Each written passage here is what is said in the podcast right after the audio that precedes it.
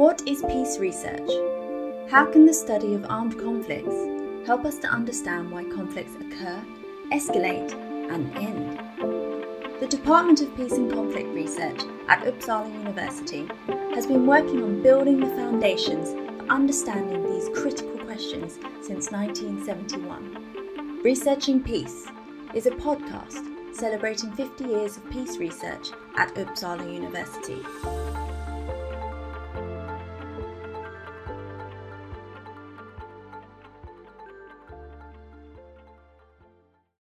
Welcome to Researching Peace. I'm Isak Svensson, and today I am happy to be welcoming Pedro Valenzuela and Angela Muvumba Sellström. Pedro Valenzuela is professor in international relations at the Javeriana University in Colombia, and Angela Muvumba Sellström is a senior researcher at the Peace and Security at the Nordic Africa Institute and affiliated to our Department of Peace and Conflict Research. Welcome both Thanks for being here. Thank you, Isak, for the invitation. Thank you so much. Pedro and Angela, you, you both have long experience of working in and with the Department of Peace and Conflict Research over the years. But you also have experiences and networks from the Latin American and African contexts. And I wanted to take this opportunity to reflect with you about the role of peace research from a little bit more, out of a more global perspective than we have had the opportunity to do in, in previous pod conversations. So to start off, from, from your experience, what is the perception on peace research? How is peace research seen? Pedro? Uh, thank you, Isak.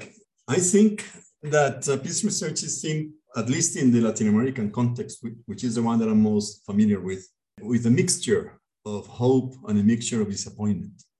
And, uh, and the reason is that I remember very well a, a, sentence that was a remark made by Johan Galtung many, many years ago, where he said, peace research has produced much research, but very little peace. And I think that that, that is the perception of why the, the disappointment with the field uh, has come about. But there's at the same time a lot of hope because, uh, for instance, you know, we have been a continent that has, has been immersed in so many dynamics of violence from military dictatorships, you know, to revolutionary wars and to common criminality, that it really created a lot of uh, anticipation. Uh, I think the, the field as such was pretty much unknown until the 1980s, perhaps. And the reason is uh, that we were pretty much focused on other disciplines, other disciplines. I don't think uh, that in the Latin American context, there is a, a very well structured field as you have it, for instance, in Uppsala, where you have undergraduate programs, master's programs, PhD programs. Here it was more, much more of an am amalgamation of different disciplines, sociology, political science, international relations, social psychology, that began to work on around a very specific topic, which was essentially during the 1970s, violence and conflict. The issue of peace really emerged only in the 1990s and that was a, a consequence of the peace processes in uh, El Salvador, in Guatemala, in Nicaragua, and, and Colombia. So again, just to finish this point, I think it has been received with a combination of anticipation, of hope, but also uh, disappointment. And I will try to go deeper into the reasons why the disappointment. What do you say, Angela? How, how do you think peace research is seen from your experience? Well, first, let me just say that I'm also really really glad to be in part of this conversation. I think it's a really important conversation to have at this time in the world. And I've also been very, very fortunate to be born in Africa and worked in the UN community and also worked in African institutions and to come to Sweden and to be part of the department uh, for over 10 years. So I, I feel really privileged to be able to balance uh, at least in my head, I imagine I can balance the different vantage points. Um, but I, I, I can say, in terms of how peace research has been received in Africa, I think, well, the starting point is I think that many institutions in Africa and actors in Africa think they haven't been recipients of peace research, but actually they've actually been producers of peace research. And that that, that has not been highlighted or recognized or really appreciated in the global north.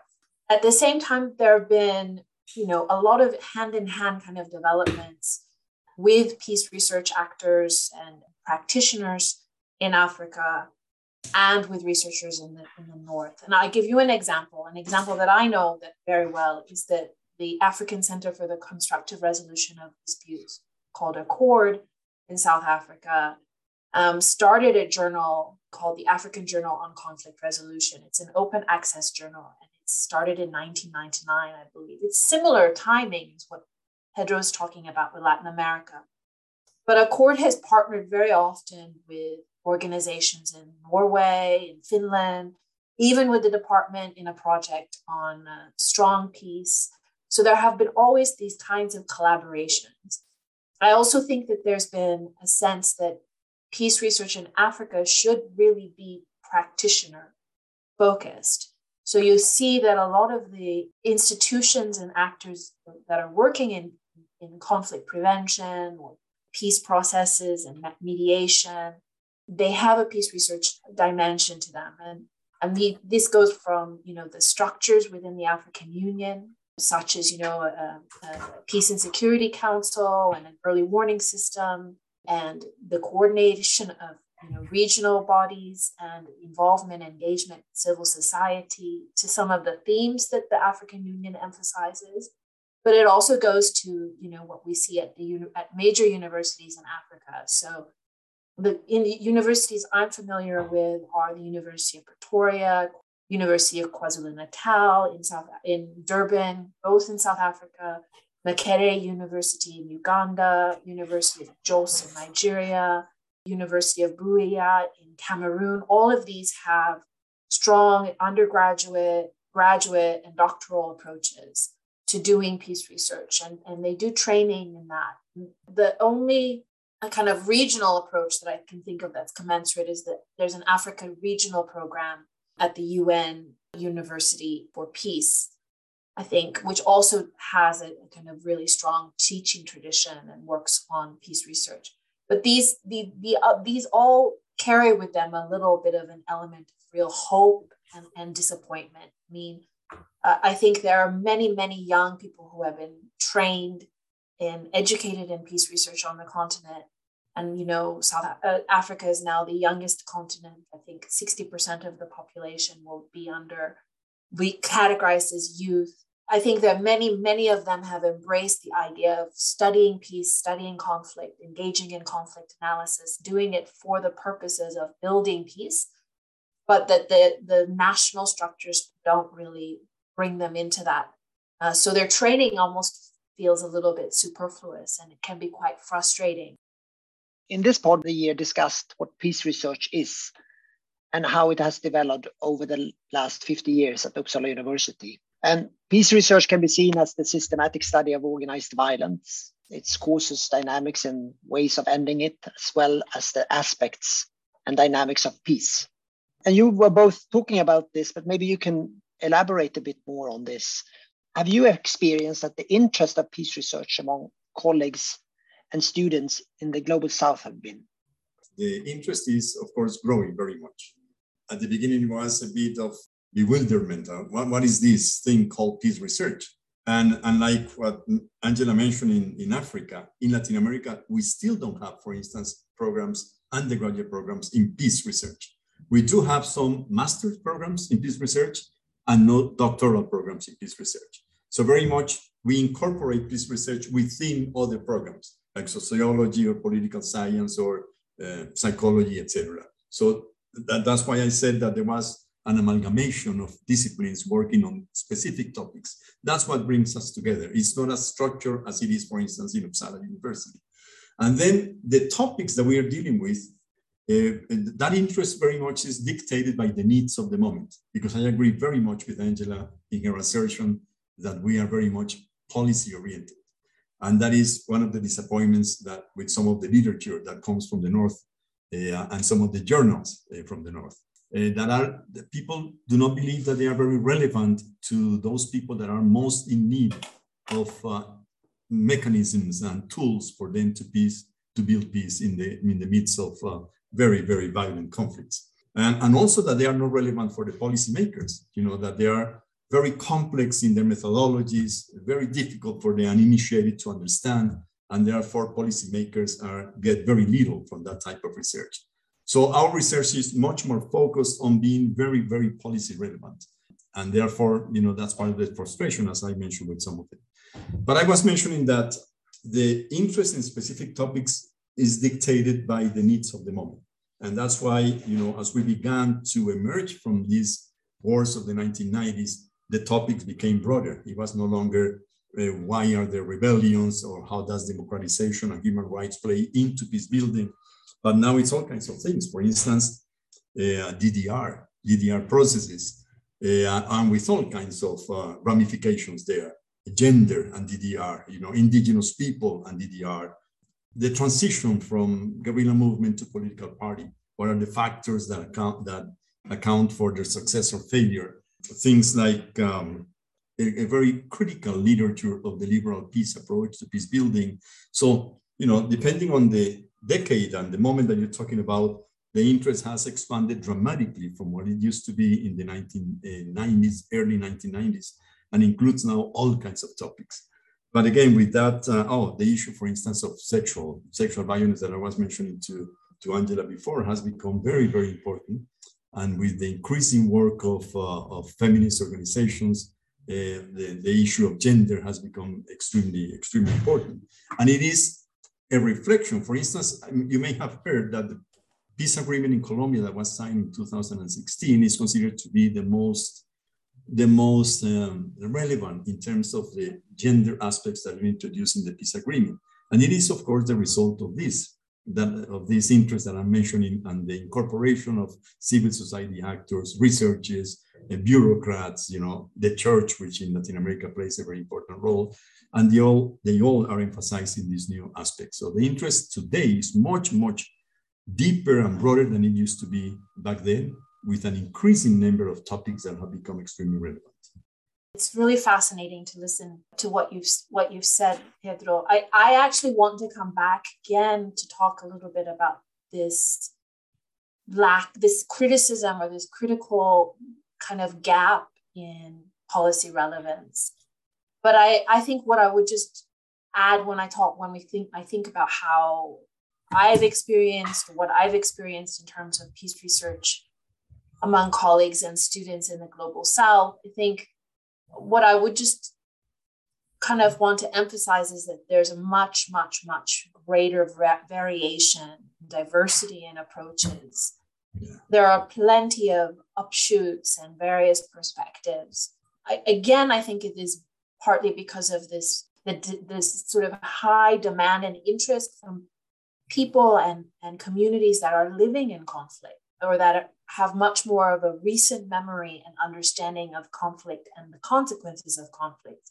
I mean, I think that many students that we've had through the outreach programs we'll talk about will say that they really come to peace research because they want to solve the problems that they live with every day. They want to address things like healing and trauma, or how do communities reintegrate or re- reconciliation or want to break the you know uh, prevent the resource curse from afflicting their societies once oil is found or address you know problems of remobilization and then there's also the, the very vast sort of engagement interdisciplinarily in terms of governance issues and human rights. And i think there you'll see less coming from peace, peace, uh, peace and conflict research departments or peace and conflict institutions in, in Africa and in the other parts of the global south, and more from you know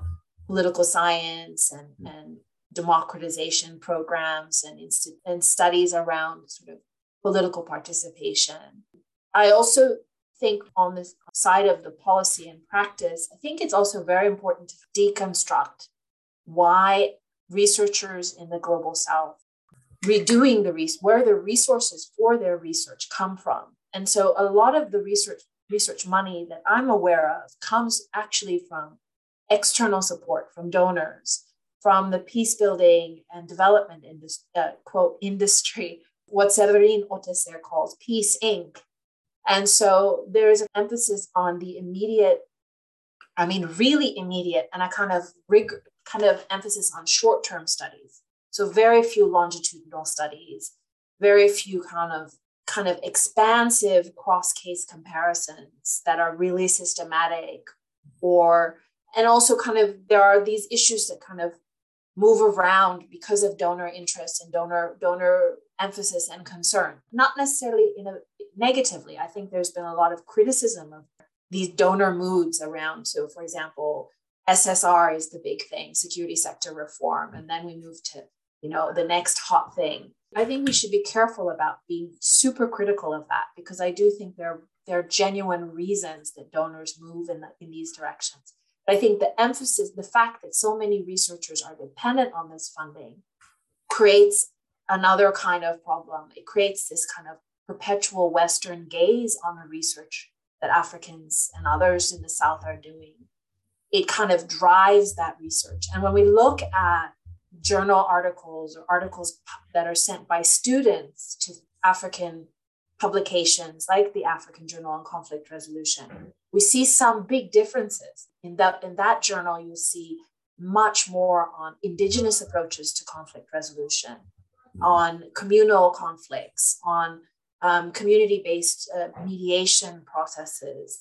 So, kind of more about how Africans are solving their problems of conflict and less about sort of how elite Africans or the state works um, and much more sort of focusing on kind of the everyday everyday ways in which individuals can engage these processes and use their indigenous knowledge work with traditional leaders uh, there's a lot more on youth there's a lot more on gender um, there's also a lot more around the peace and development nexus and livelihoods so it's just very interesting to think about that that there is a bit of a distinction because there's sort of i'm not completely um, critical of kind of donor funded research. I think it's very important, and we would be lost in Africa without it.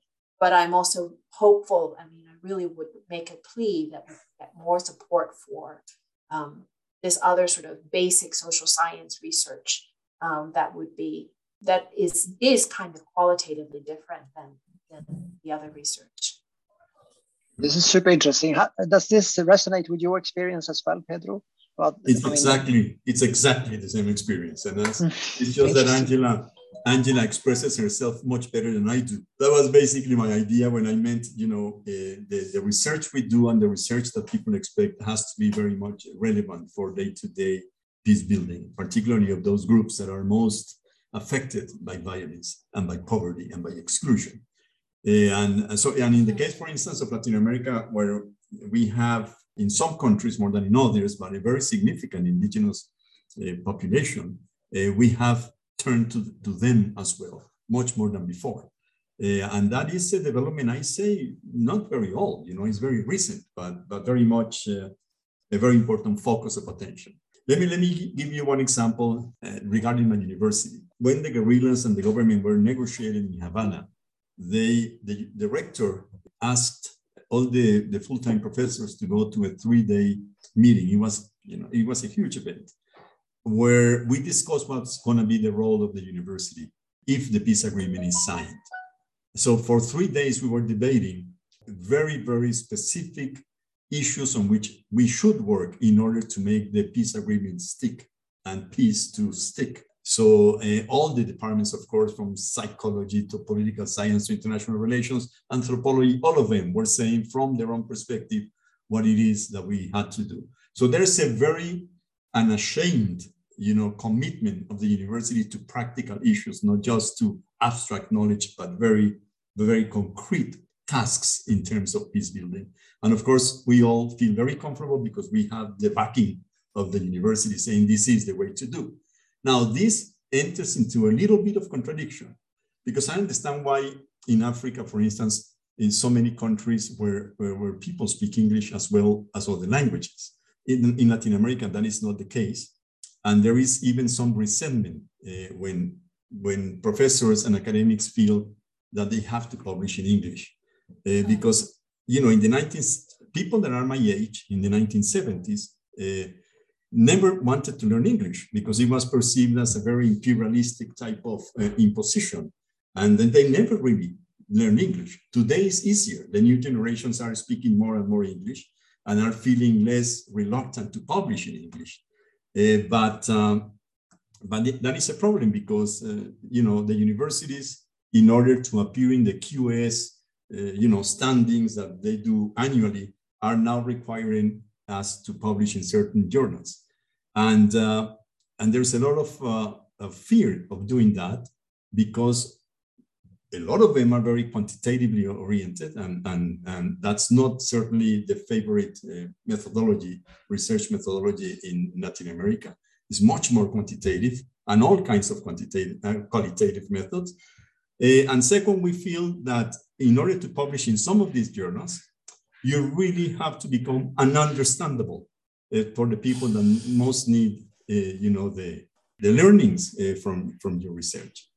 So we have that contradiction, you know, a vacuum, uh, go for uh, tasks that are really contributing to peace building, but also put the university uh, to appear in the first 200 or 500 uh, in the world. So there's a lot of tension, let's say, between those two approaches, because you have to publish in English if you want to uh, to appear, you know, in those very well placed in those in those rankings that they make, you know, and that do not have much credibility in Latin America, I must say sort of looking forward from your perspective, how could peace research become more truly global in its in its sort of orientation and approach? We have diagnosed here some of the the problems, and you have helped us to see some of the some of the challenges. Right?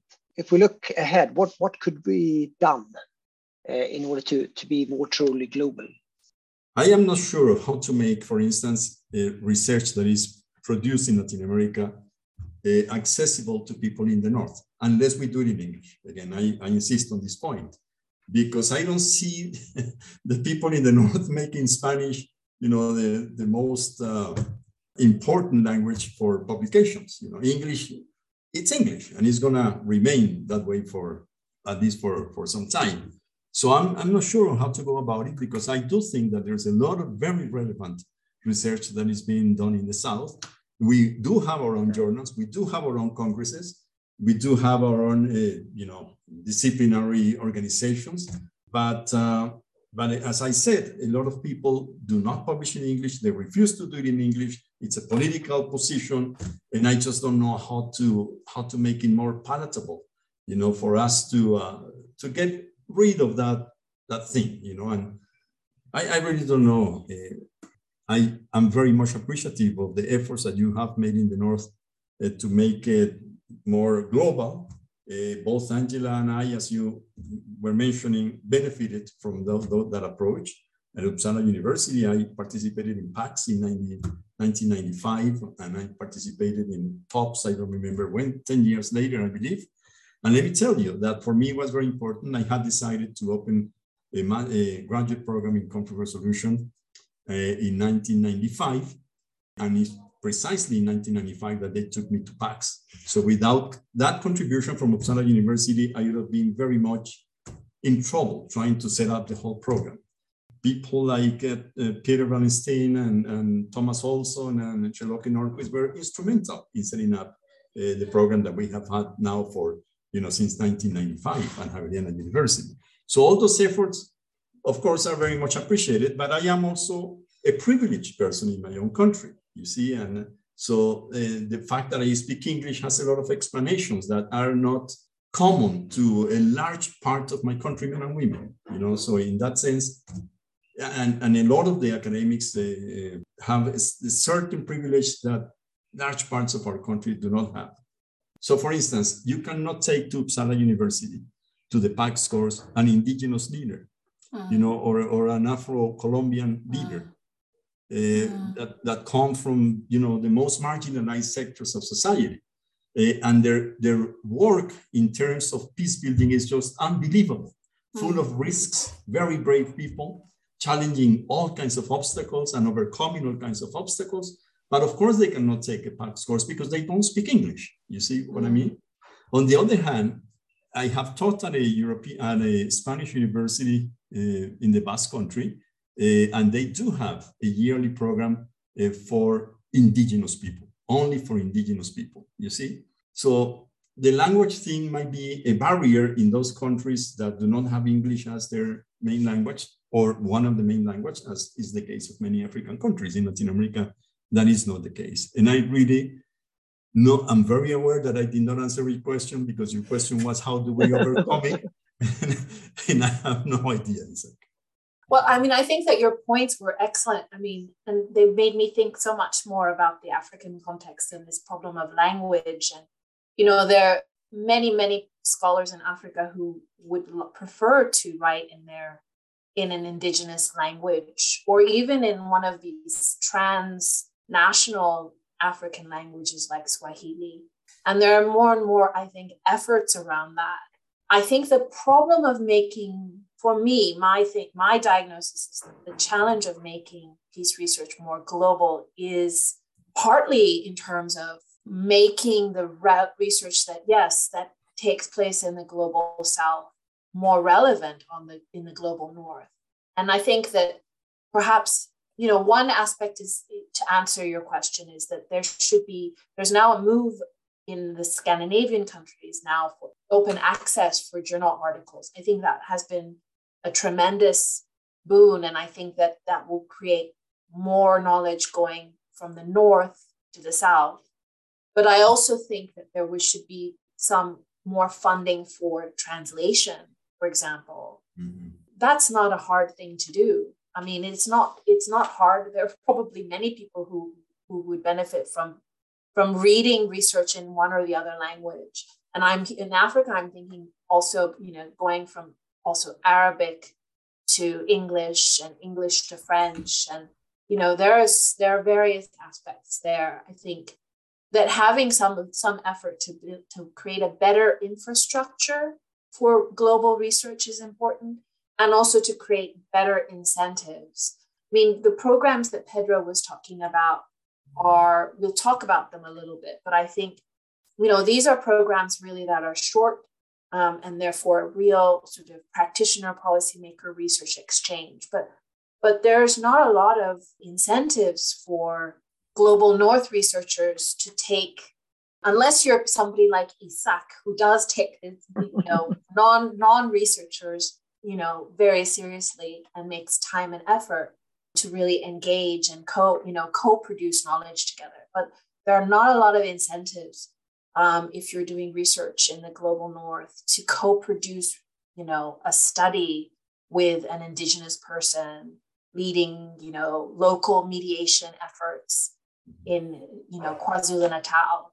I, I think one way that I've tried to get around that is I've worked with students a lot who, who have you know that's a way for them to, to really learn a more context relevant perspective and in, incorporate and engage with with people so that they you know early on in their careers when they're writing their master's thesis or something like that. But i think it's it's just as important that professors at global north institutions work with non-researchers who are really working in peace building or peacemaking or peace processes. And there's you know there are more and more centers of excellence at universities in africa for example that um, have african researchers doing that kind of work. And so i think there's that if we could we, we could ra- ra- really actually make global peace really a reality. I think we also a bit i'm also a bit hard on, on peace research. I mean it isn't it isn't the oldest discipline in the world or, or tradition. So I think that that we, you know, there have been a you know some decades of formation and then development and normalization and maybe consolidation and now maybe we'll have another period of kind of shaking things up to really kind of make make real these hopes and ambitions for for global peace research which can be done by changing some of the incentives in the system um, and also making you know some more sort of strategic areas important like translation and co-production of research. I agree, I agree with that angela. And uh, but i also think that uh, there is also a matter of convincing or getting to to yeah to accept researchers in the global north to accept some forms of knowledge that yes, are not considered absolutely. very scientific in the north Absolutely. Yeah, you know, and and uh, so be, be much more open to that. You know, let me talk about an experience on, on, a topic that Isak works a lot on, which is nonviolence. And, and of course, when I began to uh, to teach that topic, I did it with very traditional um, frameworks and speaking about the people that we all know in the field of non, nonviolence. And I was really surprised when I began to come closer to communities and realize that the option for nonviolence had completely different inspirations, you know, than the, the ones, the Gandhis and the Martin Luther Kings and those perspectives. And I realized then the wealth, you know, in understanding these local experiences, but in having a, a an open mind to this type of, uh, of knowledge that is, yeah, sometimes uh, looked down on, you know, in northern universities. I, I just want to say that I, I agree with you on that point. I think there's also this idea that no research is, is, is finite in terms of solving and answering a research question in its totality. And I think when you're looking sometimes at generalizable findings from large and quantitative studies, you know that there's also another story there. There's also another causal explanation or another approach that could come from practitioners or from people who are living through these experiences, um, who are enacting peace or working towards peace, or who have another form of knowledge, and that that knowledge is invisible, is, is completely invisible. And so I think no, knowledge from you know sort of the the in the created in the global north could be so much richer and so much more i even think more policy relevant if we could find other ways of integrating these other forms of knowledge and, and building together some, some more sort of kind of transdisciplinary understandings of the phenomena that we're all studying. Let me turn to a discussion about the, the outreach programs. Pedro, you mentioned the, the PACs and the TOPS. Uh, and maybe, Angela, you can say a few words about these programs what they are and what they have been throughout our department's history.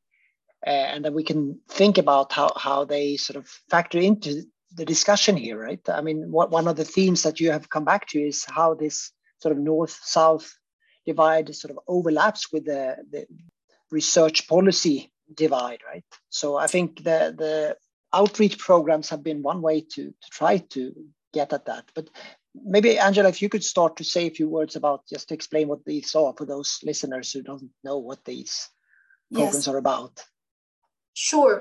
So I think it's an it's an area that that more people should know about. That the, the, the Department for Peace and Conflict Research has, I think, since 1988, been convening international training programs or ITPs.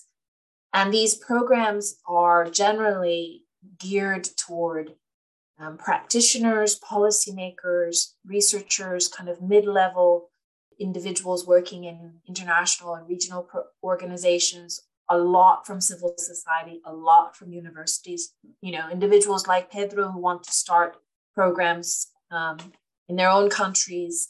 And they're competitive programs and and there have been various iterations of them. One of the most important funders or partners has been SIDA, uh, has been su- supporting these programs since the 1980s, late 80s.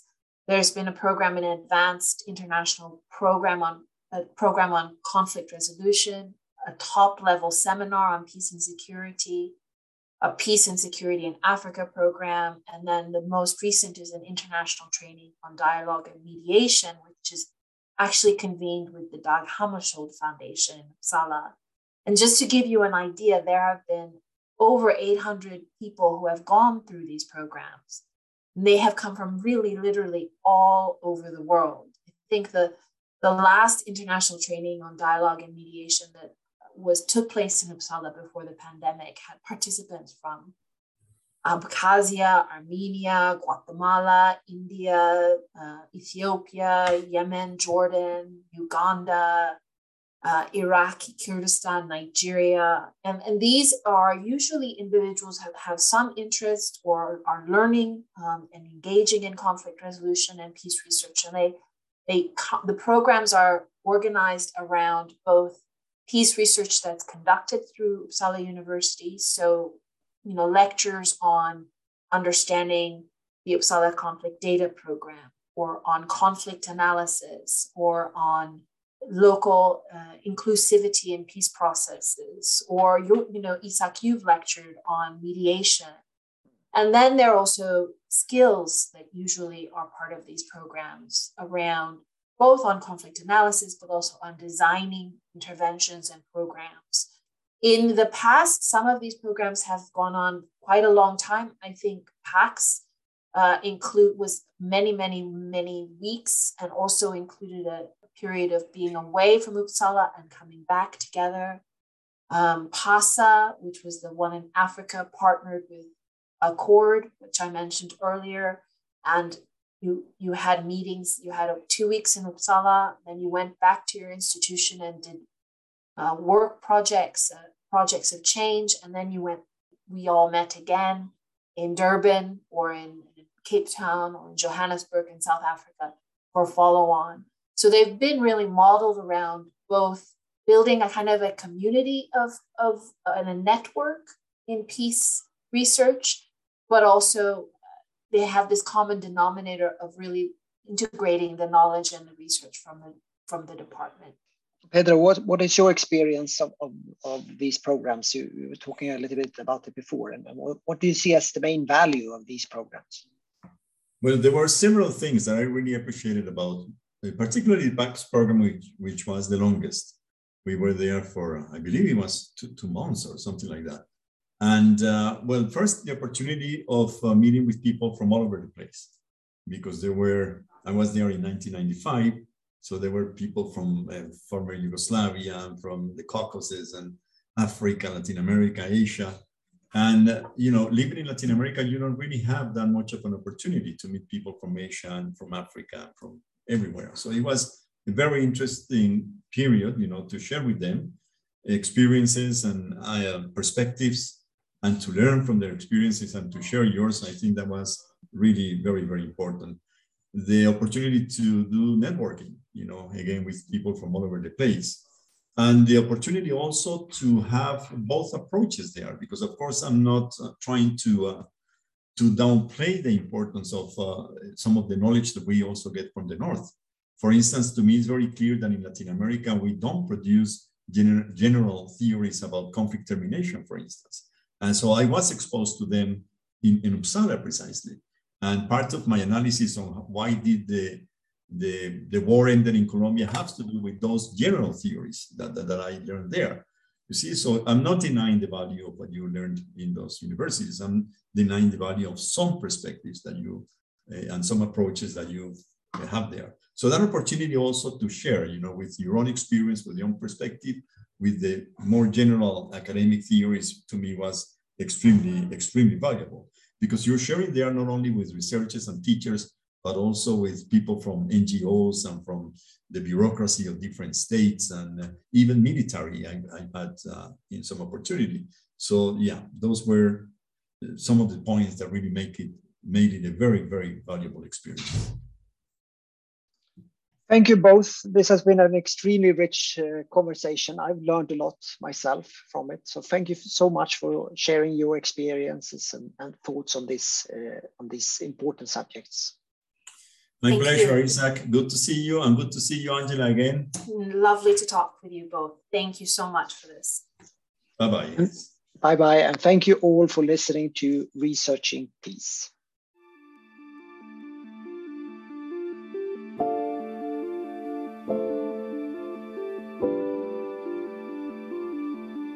What is peace research? How can the study of armed conflicts help us to understand why conflicts occur escalate, and end. The Department of Peace and Conflict Research at Uppsala University has been working on building the foundations for understanding these critical questions since 1971. Researching Peace is a podcast celebrating 50 years of peace research at Uppsala University.